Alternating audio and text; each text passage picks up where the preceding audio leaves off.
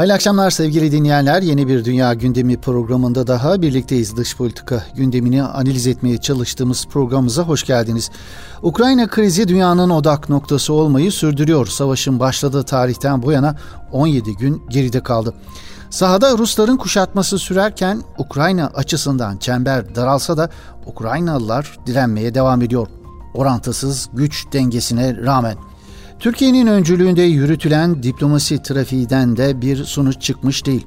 Savaşın nereye evrileceği, Putin'in Rusya'sının nerede duracağı sorusu gündemdeki yerini koruyor velhasıl. Ukraynalı direnişçiler savaş makinesi Rus ordusuna daha ne kadar dayanabilecekler ya da Ukrayna direnişine yardım için gelen binlerle ifade edilen batılı lejyonerler Rus ordusunu durdurabilecek mi? Ukrayna'nın taleplerini karşılayamayan savaşı uzaktan izleyen Batı dünyası bundan sonra ne yapacak?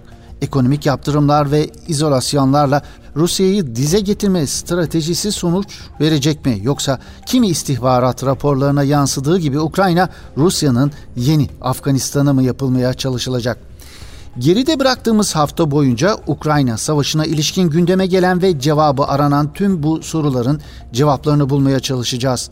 Krizin nereye evrileceğine ilişkin beklentileri bu noktada uluslararası analizlere yansıyan değerlendirmeleri paylaşacağız. Diplomasi trafiğindeki hamleleriyle Türkiye bu hafta uluslararası arenada adından en çok zikredilen ülkeydi. Antalya Diplomasisi Formu başta olmak üzere birçok dünya liderini ağırlayan Türkiye'nin bu başarısı gerçekten de haftanın en dikkat çeken gelişmeleri arasında yer aldı. Evet detaylara bakmaya geçebiliriz sevgili dinleyenler.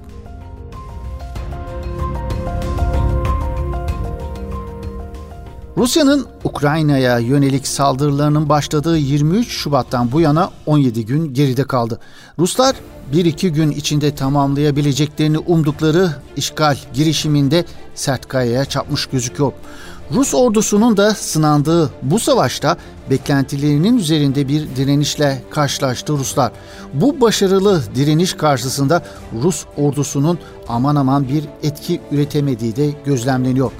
Ancak işgal süreci yavaş da olsa ilerliyor. Dramatik görüntüler gelmeye devam ediyor. Sivil insan kaybı her geçen gün artıyor. Ukrayna direniş hattını aşmada zorlanan Ruslar dünyadan gelecek tepkilere de pek aldırmıyorlar artık sevgili dinleyenler. Sivil yerleşim yerlerini de bombardıman altında tutuyor Rus ordusu. Çocuk hastanelerine, kiliselere, camilere varıncaya kadar vardırıyor Ruslar saldırganlığını. Rusların bombaladıkları yerler arasında Mariupol'da Kanuni Sultan Süleyman ve Hürrem Sultan anısına yapılmış Süleyman Camii de bulunuyor. Camide 34'ü çocuk, 86 Türk'ün mahsur kaldığı haberleri geliyor.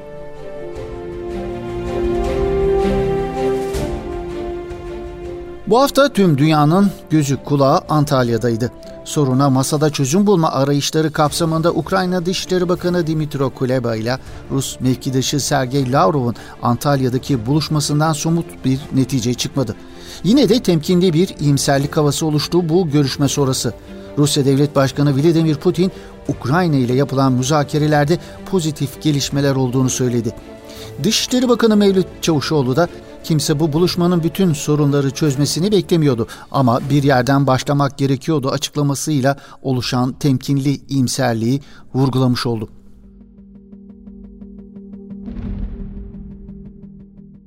Diplomatik çabalar sürdürülse de savaşın gidişatında sahadaki gelişmeler belirli olacak gibi duruyor. Kiev düşse bile savaşın uzayacağı yönünde güçlü bir kanaat var. Ağırlığını Batılılardan oluşan gönüllü lejyonerlerin Ukrayna safında Suriyeli şepihaların Putin'in kuklası Kadirov'un emrine tahsis edilen Çeçenlerin Rusya'nın saflarında savaşacağı çok aktörlü bir şehir savaşına doğru sürükleniyor Ukrayna toprakları. Suriye'dekine benzer bir savaş ortamı Avrupa'nın kapısındaki topraklara taşınmak üzere bir başka ifadeyle sevgili dinleyenler. Avrupa basını da Ukrayna ne yazık ki giderek Avrupa'nın Suriye'si veya Afganistan'ı olma yolunda diyerek yaklaşmakta olan tehlikeye işaret ediyor.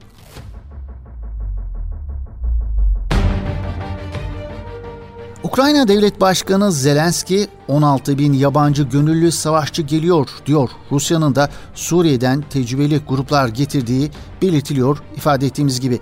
Ukrayna yabancı savaşçılar için web sitesi açtı bile. Sitede Uluslararası Ukrayna Savunma Lejyonu savaşçısı olmak için neler yapmak gerektiği anlatılıyor. Sitede ülkenizdeki Ukrayna elçiliğine başvurun, başvurunuzda ne tür kıyafet ve ekipmanlara ihtiyacınız olduğu belirtiliyor gibi ifadeler yer alıyor. Ukrayna Dışişleri Bakanı Dimitri Kuleba da Rus ordusuna karşı savaşmak için başvuran yabancıların sayısının 20 bini bulduğunu belirtiyor. Kuleba, 52 ülkeden deneyimli emekli askerler ve gönüllülerden oluşan yabancı savaşçılar bize başvurdu diyor.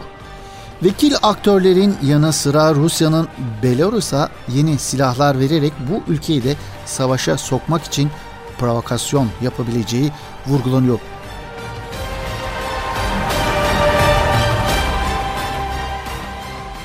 Sahadaki ve diplomasi trafiğinde yaşananların ardından ortaya çıkan tablo savaşın uzayacağını gösteriyor. ABD öncülüğündeki Batı'nın da ekonomik yaptırımlar ve şehir savaşları ile savaşı uzatmaya çalıştığı, Rusya'yı yıpratmak istediği öngörüsü bir hayli kabul görüyor analizlerde. ABD medyasına yansıyan değerlendirmelerde de ABD'li askeri uzmanlar ABD'nin Ukrayna'da yarı Afganistan oluşturmaya çalıştığını ileri sürüyorlar. Fransız haber ajansı AFP'nin ABD'li yetkililere dayandırdığı analize göre ise Washington'ın kırmızı çizgisi savaşın yayılmaması. Ülkedeki çatışmaların şehir savaşına dönüşeceğini Aralık ayında öngören ABD, Rusya'nın Kiev'i kısa sürede ele geçirememesi üzerine askeri yardımlarını artırdığı belirtiyor. Kiev düşse bile savaşı uzun vadede Rusya lideri Vladimir Putin'e kaybettirmeyi planlayan Washington, Ukrayna'ya istihbarat paylaşımının yanı sıra tank savar ve uçak savar füze sistemleriyle de destek sağlıyor. ABD'nin stratejisindeki kritik nokta ise çatışmaların 3. Dünya Savaşı'na ya da nükleer savaşa dönüşmemesi olduğu belirtiliyor. ABD Başkanı Joe Biden, Amerikan müdahalesinin sınırlandırılması direktifini verdiği kamuoyu baskısına rağmen Ukrayna'nın uçuşa yasak bölge isteğinin reddedilmesinin ardındaki sebebinde bu olduğu vurgulanıyor.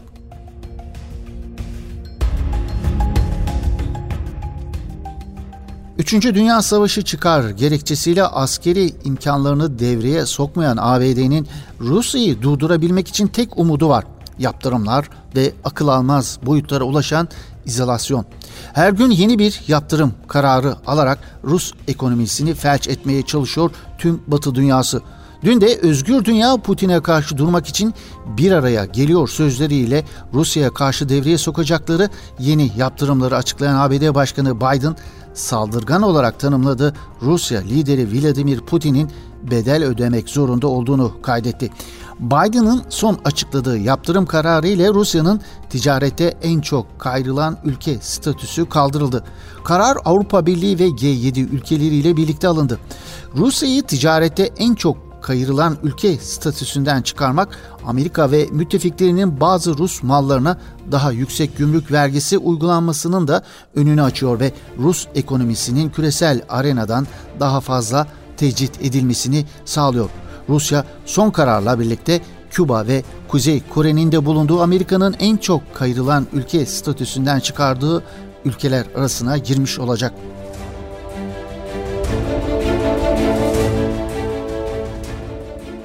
Yaptırımlar üzerinden Rus ekonomisini felç etmek isteyen Batı dünyası sonuca bir an önce ulaşmak istiyor.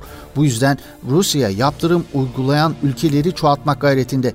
Ancak bu noktada zorlanıyor Batı çevreleri. Meksika Rusya'ya yaptırım uygulamayı reddeden ülkeler arasında yer aldı. Avrupa Birliği Meksika'ya karşı eleştirilerinin dozunu yükseltince Meksika yönetiminin tepkisi de sert oldu. Avrupa Birliği'nin dünyayı yönetmediğini ve Meksika'nın kimsenin sömürgesi olmadığını belirtti Meksika yönetimi.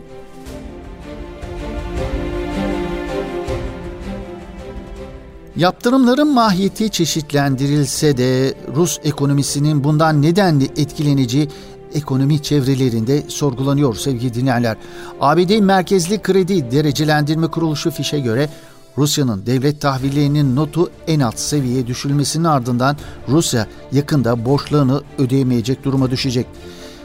Kredi Derecelendirme Kuruluşu'nun bu açıklaması ABD ve İngiltere'nin Rus petrolünü yasaklama planlarını duyurmasından sonra yapıldı. Önemli bir petrol ihracatçısı olan Rusya'ya yönelik bu tür adımlarla Moskova'nın mali imkanlarının iyice sınırlandırması hedefleniyor.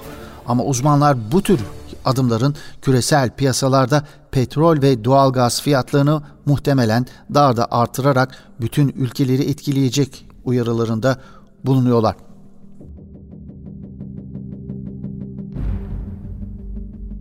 Batı dünyası yaptırımların çerçevesini genişlettikçe ve jeopolitik gerilim tırmandıkça Rusya'nın enerji kaleminden elde ettiği gelir de buna paralel artıyor sevgili dinler. Bu artış rekor seviyelere ulaşmış durumda. Rusya'nın petrol ihracat geliri yıllık %62 oranında artmış. Rusya, İran petrolüne yönelik ambargonun kaldırılmasını önlemek için de İran'ın nükleer gücüyle ilgili müzakereleri engelliyor ve tabi petrol fiyatının düşmesini de önlemiş oluyor böylece.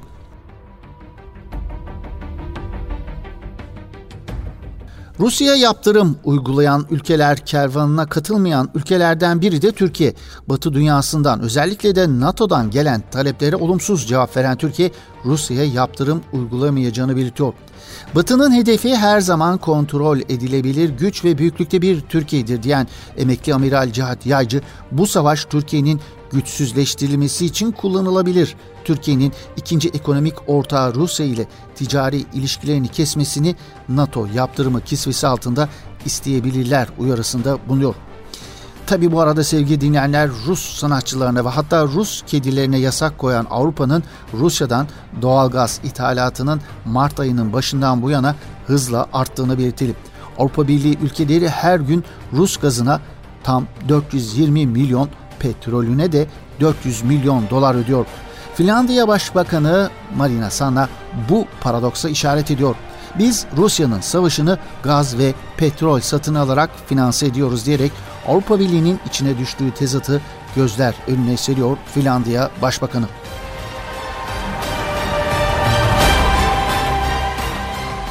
Batı yaptırımlarının Rus halkı üzerindeki etkisinin ne olacağı merak konusu. Avrupa Birliği ve ABD'nin yaptırımları sonucu dün itibariyle 330'dan fazla yabancı şirket Rusya'yı terk etti.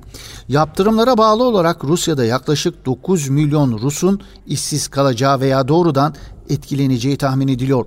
Ekonomik sıkıntıların ortaya çıkartacağı sancıların yanı sıra Ukrayna'nın işgali nedeniyle Rusya lideri Putin'e tutumuna yönelik tepkiler de artıyor. Özellikle etnik, tarihi ve dini ortaklıkları olan Ukrayna halkına zarar verildiğini savunan yığınla Rus var sevgili dinlerler. Rusya içerisindeki bu tepkilerin artacağı öngörülüyor. Savaş uzadıkça bu tepkilerin de artacağı öngörülüyor.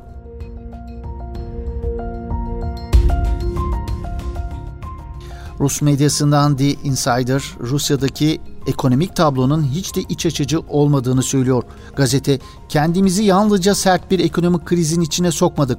Tüm ekonomi modelini de çökertmiş olduk. Zamanda 30 yıl geriye gittik ve tersinden yine 1991'deki dönüm noktasına vardık değerlendirmesinde bulunuyor.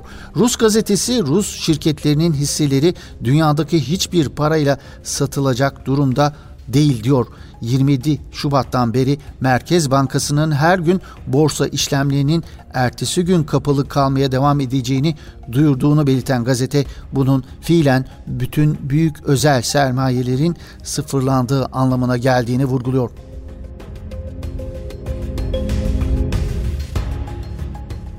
Bu arada Rusya'ya yönelik yaptırımların Türkiye'ye kimi fırsat kapılarını aralayacağı yorumları dikkat çekiyor.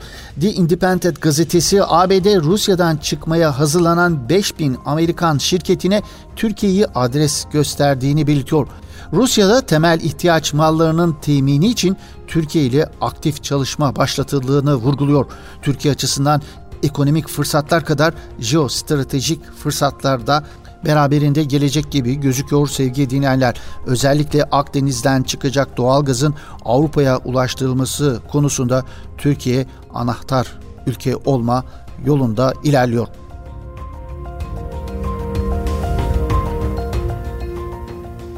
Batı dünyasının Ukrayna'yı Rusya'nın elinden kurtarmak için ekonomik yaptırımlar ve kimi çokça sofistik olmayan silah yardımlarının bulunmasının ötesinde bir şey yapmıyor olması Ukrayna liderini umutsuzluğa sevk etmiş gözüküyor. Ukrayna Cumhurbaşkanı Zelenski gerekli desteği görmezsek Rusya ile anlaşırız diyor. Zelenski eğer Avrupa Birliği ve NATO bizi üyeliğe almazsa Ukrayna'nın Kırım ve Donbas topraklarını tanıma sorununa muhtemel bir çözüm olduğunu duyurduğu batılı dostlarına.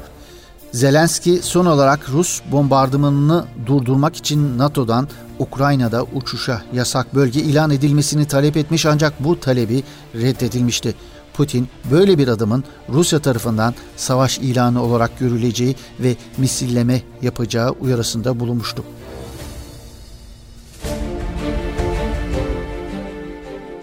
Ukrayna-Rusya savaşının muhtemel jeopolitik sonuçlarının değerlendirildiği analizlerde dikkat çeken tespitleri aktarmak istiyoruz sevgili dinleyenler bu bölümümüzde.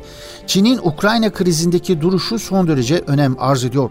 Ukrayna meselesinde tarafsız kalan Pekin'in desteğine daha da bağımlı gözüküyor Moskova'nın.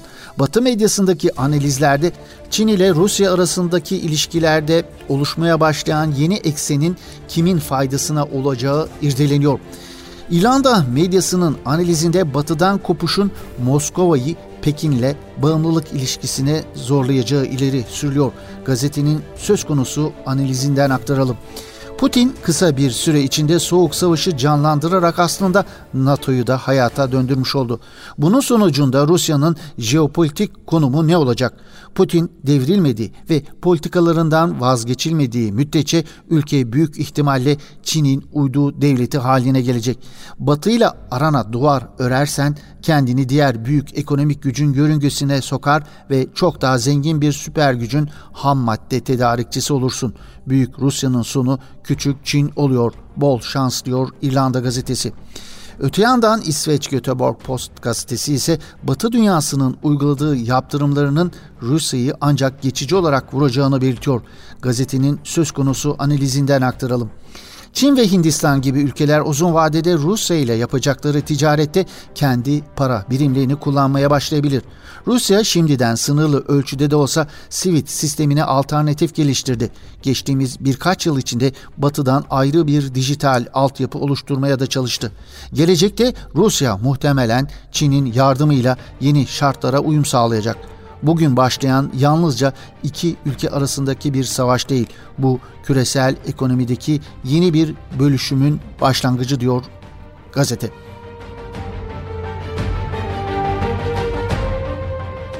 Savaş Ukrayna topraklarında cereyan ediyor olsa da sevgili dinleyenler, dünyanın ekmek teknesi olarak adlandırılan Ukrayna ile ekonomilerin lokomotifi sayılan enerjinin en önemli tedarikçisi Rusya ile arasında yaşanan bu savaşın etkileri tüm dünyayı etkileyecek muhakkak.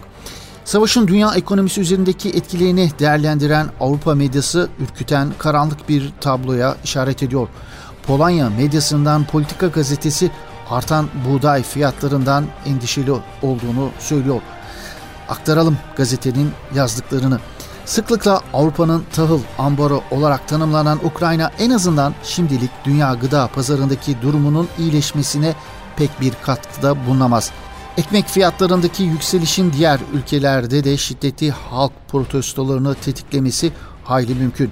Böyle bir toplumsal hoşnutsuzluk son günlerde Fas'ta hissedilir olmaya başladı. Rusya'nın işgalinden önce bile ithal buğday için ödeme yapmakta epey güçlük çeken Tunus'ta durum her geçen gün daha da kötüye gidiyor diyor Polonya gazetesi.